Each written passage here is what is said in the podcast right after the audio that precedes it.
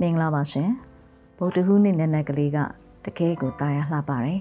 မနေ့ကတနေ့တာကတော့တချို့က Valentine Day ကိုပျော်ပျော်ရွှင်ရွှင်နဲ့ဖြတ်သန်းခဲ့ကြတယ်တချို့ကကြတော့လေကိုယ့်ရဲ့အိမ်ထဲကနေပြီးတော့ပဲကိုချစ်တဲ့သူတွေနဲ့စကားပြောကြတယ်တချို့ကကြတော့ online ပေါ်မှာအမှတ်တရလေးတွေပြန်ပြီးတော့တင်ရင်းနဲ့ပဲချိန်ကုန်ခဲ့ကြတယ်တရွေ့ရွေ့နဲ့အချိန်တွေပြောင်းလဲလာလိုက်တာ ဘာလို့လို့နဲ့ February လ15ရက်ကိုရောက်လာပါပြီ။ပြီးခဲ့တဲ့တလခွဲအတွင်းမှာကျမတို့ဘယ်လိုပုံစံမျိုးရည်ရွယ်ချက်တွေနဲ့အသက်ရှင်ခဲ့ကြသလဲ။ဘယ်လိုပုံစံမျိုးကျမတို့ဖြတ်သန်းခဲ့ကြလဲဆိုတာမိတ်ဆွေတို့ကျမတို့အသိဆုံးပဲဖြစ်ပါတယ်။တော်တော်များများသောလူငယ်တွေကဒီကာလအတွင်းမှာအတန်နဲ့ပတ်သက်တဲ့တင်ဆက်မှုတွေလုပ်ဖို့အတွက်စိတ်ဝင်စားလာကြတာကိုသတိထားမိပါတယ်။တချို့ကလည်းအတွေ့အကြုံမရှိသေးပေမဲ့လှုပ်ချင်စိတ်ရှိကြတယ်။ တချို့ကကြတော့လေအတွေ့အကြုံရှိတဲ့ခါကျတော့အလောက်ကင်ခွင်လန်းရှာကြတယ်တချို့ကကြတော့လေကိုယ့်ရဲ့အတန်ကအလုပ်ဖြစ်မဖြစ်ဆိုတာကိုမသိကြဘူးပေါ့နော်ဒါနဲ့ပတ်သက်ပြီးတော့မေးမြန်းဆွေးနွေးထားကြတဲ့ group တစ်ခုထဲမှာကျွန်မဝင်ပြောပြတာလေးတွေရှိပါတယ်အဲ့ဒါကြောင့်ပဲ MC network ကိုစိတ်ဝင်စားနဲ့လာပြီးတော့မှမေးမြန်းကြတဲ့လူငယ်တွေရှိပါတယ်အထူးသဖြင့် MC network မှာကအလုပ်တင်တဲ့ talent တွေခေါ်နေတဲ့အတွက်ကြောင့်မို့လို့ လာပြီးတော့မှရှောက်ထားဖို့အတွက်အမျိုးမျိုးမေးမြန်းစုံစမ်းကြပါတယ်။ဒီမှာကျမတို့ကလေ့လာစရာတွေအများကြီးချပေးရတယ်ပေါ့နော်။ဘာဖြစ်လို့လဲဆိုတော့လုပ်ငန်းသဘောတဘာဝအရာအလုပ်တင်ဒါမှမဟုတ် talent လုပ်တော့မယ်ဆိုလို့ရှိရင်ကျမတို့ကိုနမူနာလက်ရာပေးရပါတယ်။အဲ့ဒီနမူနာလက်ရာအတွက်တော်တော်များများကအချိန်ယူကြရပါတယ်။အာနှစ်ပတ်လောက်ကနေနှစ်လလောက်ထိ တချို့ဆိုရင်နှစ်လထက်မကတော့အချိန်ယူရင်းနဲ့ပဲလက်ရမှာတယ်တော်တော်နဲ့ထွက်မလာနိုင်ပဲတစ်သွားကြတဲ့သူတွေရှိပါတယ်ဒါကတော့ကိုယ့်ရဲ့ကျွမ်းကျင်ပိုင်နိုင်တဲ့အတန်နဲ့တင်ဆက်မှုအတန်နဲ့ပြောဆိုဆွေးနွေးမှုအပိုင်းကိုဘယ်လိုပုံစံမျိုးပေးရမလဲဆိုတာကိုအကြက်ရိုက်သွားတဲ့အနေအထားရှိပါတယ်တတိထားမိသလောက်တော်တော်များများကကိုဘလောက်ကျွမ်းကျင်နေကိုဘလောက်ပိုင်နိုင်နေဆိုတာကိုအစွမ်းပြဖို့အတွက် လက်ရလုပ်တဲ့အခါမှာအခက်အခဲရှိပါတယ်။အဲ့ဒီအခက်အခဲတွေကိုလေ့လာပြီးတော့ပြန်သုံးသပ်ရမယ်ဆိုရင်နှစ်ပိုင်းတွေ့ရပါတယ်။နံပါတ်1ကကြတော့အကြောင်းအရာတင်ဆက်မှုပိုင်းဖြစ်ပါတယ်။တော်တော်များများကရှိပြီးသားစာအုပ်တွေကိုဖတ်ပြတဲ့ audio books ပုံစံမျိုးနဲ့ podcast ကိုမှားလိရှိပါတယ်။တကယ်တော့ podcast ကကိုယ်တိုင်ပြောဆိုတင်ဆက်ရတဲ့အခန်းကဏ္ဍဖြစ်ပါတယ်။ ဒါကြောင့်မလို့ဒီအခန်းကဏ္ဍမှာပါဝင်ကျင်ကြားတဲ့သူတွေအနေနဲ့မိမိကိုယ်တိုင်ဖော်ထုတ်ပြောဆိုဖို့အတွက်အကြောင်းအရာတရရက်ကိုသေချာလေ့လာပြီးတော့မှပြင်ဆင်ရပါတယ်။အဲဒီလိုလေ့လာပြင်ဆင်တဲ့အခါမှာ content writing လို့ခေါ်တဲ့အကြောင်းအရာဖန်တီးမှုတစ်စိတ်တစ်ပိုင်းအစွမ်းကိုလည်းကျမတို့မြင်ရတာဖြစ်ပါတယ်။1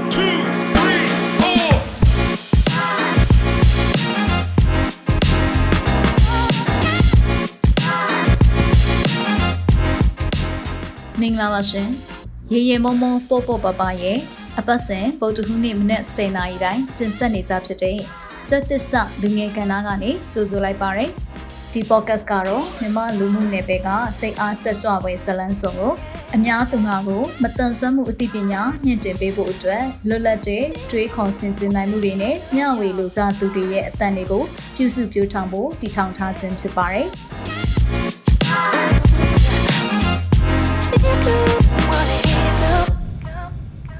ဒီလိုမျိုးအကြောင်းအရာဖန်တီးဖို့အတွက်ဆိုရင်ကိုယ်မှာကျွမ်းကျင်ပိုင်နိုင်တဲ့ပညာတစ်ခုခုရှိနေဖို့လိုပါတယ်အဲ့ဒါကတော့အသိပညာအတတ်ပညာအနုပညာတစ်ခုခုပါမှသာဟင်ဒီအကြောင်းအရာကိုဖန်တီးတင်ဆက်နိုင်မှုအတွက်အဆင်ပြေမှာဖြစ်ပါတယ် ဥပမာမတန်ဆွမ်းမှုနဲ့ပတ်သက်တဲ့အသိပညာဘ ഹു တုတာမရှိသေးလို့ပြောဆိုတင်ဆက်မှုမလုပ်နိုင်သေးဘူးဆိုပေမဲ့ကိုယ်တိုင်ကမတန်ဆွမ်းသူဖြစ်တဲ့ဆိုရင်လေကိုယ့်ရဲ့ဘဝဆက်ကြောင်းနဲ့ပတ်သက်ပြီးတော့မှဘယ်လိုပုံစံမျိုးတစ်ဖက်သားနားလည်အောင်ဆွေးနွေးတင်ဆက်ရမလဲဆိုတာကိုသိဖို့လိုပါတယ် နောက်တစ်ခုကကြတော့မတန်ဆွမ်းမှုနဲ့ပတ်သက်ပြီးတော့အသိပညာဗဟုသုတမရှိသေးပေမဲ့လေကိုကျွမ်းကျင်ပိုင်နိုင်အားကဏ္ဍတစ်ခုခုကနေမတန်ဆွမ်းနဲ့ပတ်သက်တဲ့အကြောင်းအရာတွေကိုချိတ်ဆက်ပြီးတော့လေပြောဆိုတင်ဆက်လို့ရပါတယ်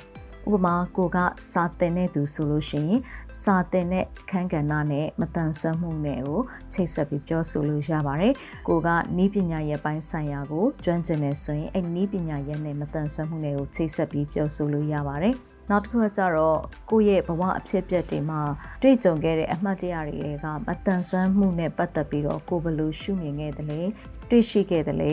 ခံစားခဲ့ရသလဲဆိုတာတွေကိုပြောဆိုတင်ဆက်လို့ရပါတယ်။ဒါလေးတွေကနမူနာအနေနဲ့ပြောပြတာပေါ့နော်။တကယ်တမ်းကျတော့ပြောဆိုတင်ဆက်မဲ့သူတယောက်လှုပ်ဖို့အတွက်ဆိုရင်အပြောကောင်းနေုံနဲ့မပြီးသေးပါဘူး။ စကားပြောတတ်နေုံနဲ့အဆင်မပြေသေးပါဘူးအကြောင်းအရာပိုင်းကိုထီထီမိမိနဲ့အခြေအဆက်ရှိရှိစက်ကြောင်းပြောဆိုတင်ဆက်တတ်ဖို့လည်းအရေးကြီးပါတယ်အဲ့ဒီအခန်းကဏ္ဍတွေကိုကိုကိုရိုင်းကဘလောက်အတိုင်းတာထိဝမ်းစာရှိတယ်လဲဆိုတာကိုသိဖို့အတွက်နမူနာလက်ရာတွေကိုပြင်ဆင်ပေးပို့ရတာဖြစ်ပါတယ်ဒီနမူနာလက်ရာတွေပေးပို့တဲ့အခါမှာကိုကစနစ်တကျအချိန်ယူပြီးတော့လေ့လာဖို့လည်းလိုပါတယ်အထူးသဖြင့် MCA network မှာပါဝင်ခြင်းနဲ့ဆိုရင် MCA network ကထုတ်လွှင့်ထားတဲ့ရေရေမုံမုံပေါပေါပါပါ podcast မှာအပုတ်100ကျော်ရှိနေပါပြီအဲ့ဒီအပုတ်100ကျော်တွေကမိမိနဲ့အနီးစပ်ဆုံးဖြစ်မဲ့အခန်းကဏ္ဍတွေကိုဝင်ပြီးတော့မှလေ့လာလို့ရပါတယ်ဥပမာကိုကလူငယ်ရေးရာနဲ့ပတ်သက်တဲ့ကဏ္ဍတွေကိုစိတ်ဝင်စားရဲဆိုရင်တသစ္စာလူငယ်ကဏ္ဍဘက်က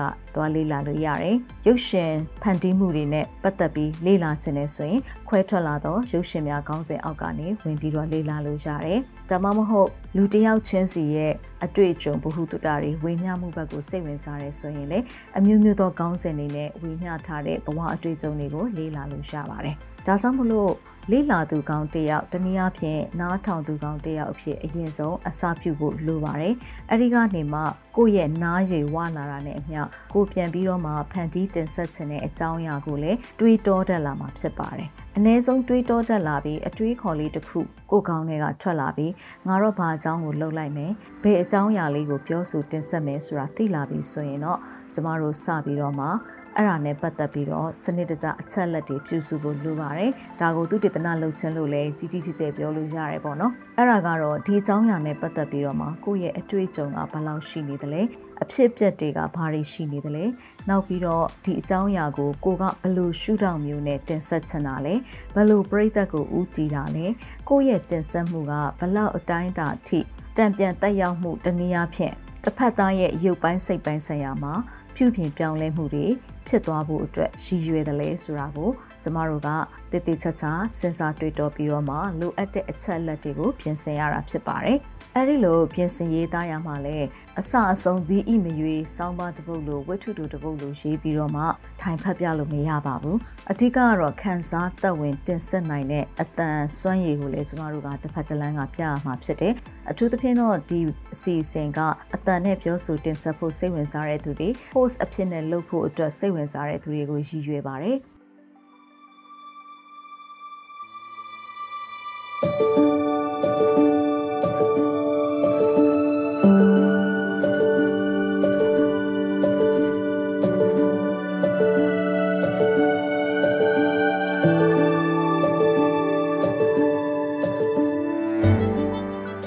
ယ်လို့ရေးသားမဲ့သူတွေအနေနဲ့ဆိုရင်လေကိုယ့်ရဲ့ရေးသားမှုဟာစကားပြောပုံစံမျိုးဖြစ်ဖို့လိုတယ်တယောက်နဲ့တယောက်ရင်းရင်းနှီးနှီးရင်ဖွင့်ပြောဆိုတဲ့ပုံစံမျိုးကိုသွားဖို့လိုတယ်စာနဲ့စကားကွဲပြားဖို့အတွက်လည်းကျမတို့တည်တည်ချာချာစဉ်းစားရေးသားရမှာဖြစ်ပါတယ်နောက်ပြီးတော့ဖြောဟန်ဆိုပေါက်ပေါ့နော်ဒါလေးတွေကလည်းအရင်အရေးကြီးပါတယ်ကိုကလူငယ်အသက်ပိုင်းခြားကိုရည်ရွယ်တယ်ဆိုရင်လူငယ်ဆန်ဆန်စကားတွေနဲ့ပြောဆိုတင်ဆက်လဲရပါတယ်ကိုက general public လို့ခေါ်တဲ့အများပြည်သူကိုရည်ရွယ်တဲ့အရွယ်ဆုံးကိုရည်ရွယ်တဲ့ဆိုရင်တော့ကိုယ့်ရဲ့ပြောဆိုတင်ဆက်မှုဟာတစ်ဖက်သားနားလေသဘောပေါက်လွယ်တဲ့အနေအထားဖြစ်ဖို့လိုပါတယ်။နောက်ပြီးတော့ကျမတို့စီမှာဘာသာပြန်ကဏ္ဍလည်းရှိပါတယ်အဲရှာရှာပပတော့တပုတ်သေးကျမတို့ထုတ်ထားနိုင်သေးတယ်အဲဒီဘာသာပြန်ကဏ္ဍမှာလည်းမတန်ဆွမ်းမှုနဲ့ပတ်သက်တဲ့ဘာသာပြန်ခြင်းတွေကိုကျမတို့အားပေးမြင့်တင်ခြင်းနဲ့မတန်ဆွမ်းလူငယ်တွေရဲ့အင်္ဂလိပ်စာစွမ်းရည်ကိုလည်းဖော်ထုတ်တင်ဆက်ခြင်းတဲ့အတွက်ကြောင့်မို့လို့ဘာသာပြန်ကဏ္ဍကိုလည်းကျမတို့ ပြင်ဆင်ထားပါတယ်အဲ့ဒီဘာသာပြန်ကဏ္ဍနမူနာလေးကိုကြည့်ပြီးတော့မှကိုကိုရိုင်ကမတန်ဆွမ်းမှုအသိပညာမရှိသေးရင်တော့တခြားနိုင်ငံကစိတ်ဝင်စားစရာကောင်းတဲ့စက်ကြောင်းပြောဆိုတင်ဆက်ခြင်းတွေမှာမတန်ဆွမ်းမှုနဲ့ပတ်သက်တဲ့အကြောင်းအရာတွေကိုကျမတို့ဘယ်လိုပုံစံမျိုးမိမိကျွမ်းကျင်ရာဘာသာစကားတစ်မျိုးမျိုးနဲ့မြန်မာမှုပြန်ပြုပြီးတော့မှဒါကိုအသိပညာအတတ်ပညာအမှုပညာရဲ့ပိုင်းဆိုင်ရာချင်းကပ်မှုတစ်မျိုးမျိုးနဲ့တင်ဆက်မလဲဆိုတာကိုစ조사ဖန်တီးကြည့်လို့ရပါတယ် ဘာသာပြန်ကဏ္ဍကတော့များသောအားဖြင့်အရေးသမားတွေကိုရည်ရွယ်ပေမဲ့လို့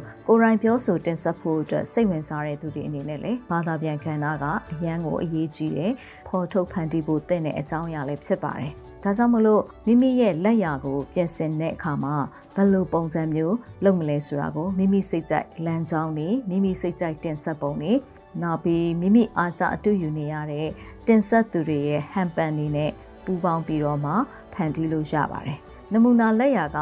နောက်တစ်မျိုးအတိတ်ပဲဆောင်းတာကတော့မိမိရဲ့စွမ်းရည်ကိုအများရှောက်ထားသူတွေနဲ့ရှင်ပြိုင်ပြီးတော့မှရွေးချယ်ခံရဖို့အတွက်ပေးပို့ခြင်းလည်းဖြစ်ပါတယ်မိမိရဲ့စွမ်းရည်ကိုအများသူများနဲ့ရှင်ပြိုင်ရှောက်ထားတဲ့အခါမှာဘလောက်တိုင်းတာထိအရေးအသွေးရှင်နိုင်မလဲဆိုတာကိုလက်စွမ်းပြဖို့အတွက်ဖြစ်ပါတယ်တေချာချင်းယူပြင်ဆင်ထားတဲ့လက်ရာတွေကရွေးချယ်သူတွေရဲ့စိတ်နှလုံးကိုတကယ်ပဲရိုက်ခတ်လာစေမှာဖြစ်ပါတယ် ဒါကြောင့်မို့လို့မိမိတို့ရဲ့လက်ရာတွေကိုပေးပို့ဖို့အတွက်အခက်အခဲရှိနေကြတဲ့ညီကိုမောင်နှမတွေအနေနဲ့ဒီအစီအစဉ်လေးကိုနားထောင်ပြီးတဲ့အခါမိမိတို့လိုအပ်တဲ့အပိုင်းကဏ္ဍတွေကိုဘယ်လိုပြင်ဆင်ရမလဲဆိုတာဘယ်လိုပုံစံမျိုးအစားပြုရမလဲဆိုတာကိုနားလည်သွားမှာဖြစ်တယ်။နောက်ပြီးတော့ကိုယ့်ရဲ့လက်ရာဟာဘလောက်တိုင်းတာထိအဲကိုယ့်ရဲ့ဖန်တီးမှုလမ်းစာအတွက်အရေးကြီးတယ်လဲဆိုတာကိုအတန်းနဲ့ရေးသားတင်ဆက်ဖို့စိတ်ဝင်စားကြတဲ့ မိတ်ဆွေတို့အနေနဲ့လည်းနားလည်သဘောပေါက်လောက်ပြီးထင်ပါတယ်။တကယ်လို့ဖန်တီးမှုအတွက်အကြံဉာဏ်ဒါမှမဟုတ်အခက်အခဲရှိရင်လည်းကျမတို့စီကိုအချိန်မီဆက်သွယ်မေးမြန်းလို့ရပါတယ်မိမိကိုယ်တိုင် podcast အစီအစဉ်တစ်ခုမှာ host တယောက်အနေနဲ့အတန်နဲ့ပြောဆိုတင်ဆက်ဖို့အတွက်အကြောင်းအရာရွေးချယ်မှုအပိုင်းနဲ့စီစဉ်တင်ဆက်မှုအပိုင်းကဏ္ဍရက်တွေကိုလည်းတဖြည်းဖြည်းနဲ့သဘောပေါက်လေ့လာနိုင်မှာဖြစ်ပါတယ်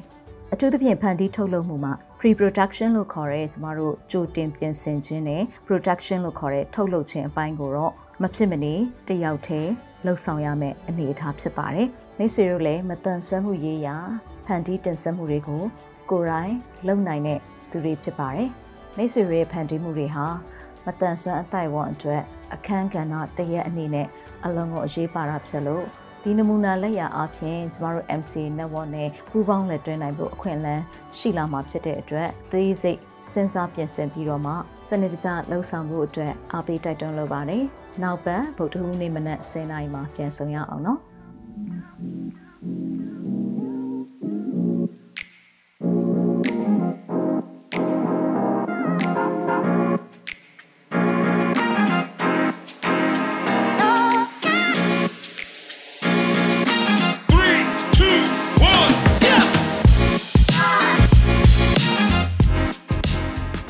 မတို့ရဲ့ရေရေမမောပေါပေါပပ podcast အစီအစဉ်မှာအလုပ်တင်အဖြစ်ဖန်တီးမှုမျိုးစုံကိုလက်စွမ်းပြလှုပ်ဆောင်ဖို့စိတ်ပါဝင်စားသူများအနေနဲ့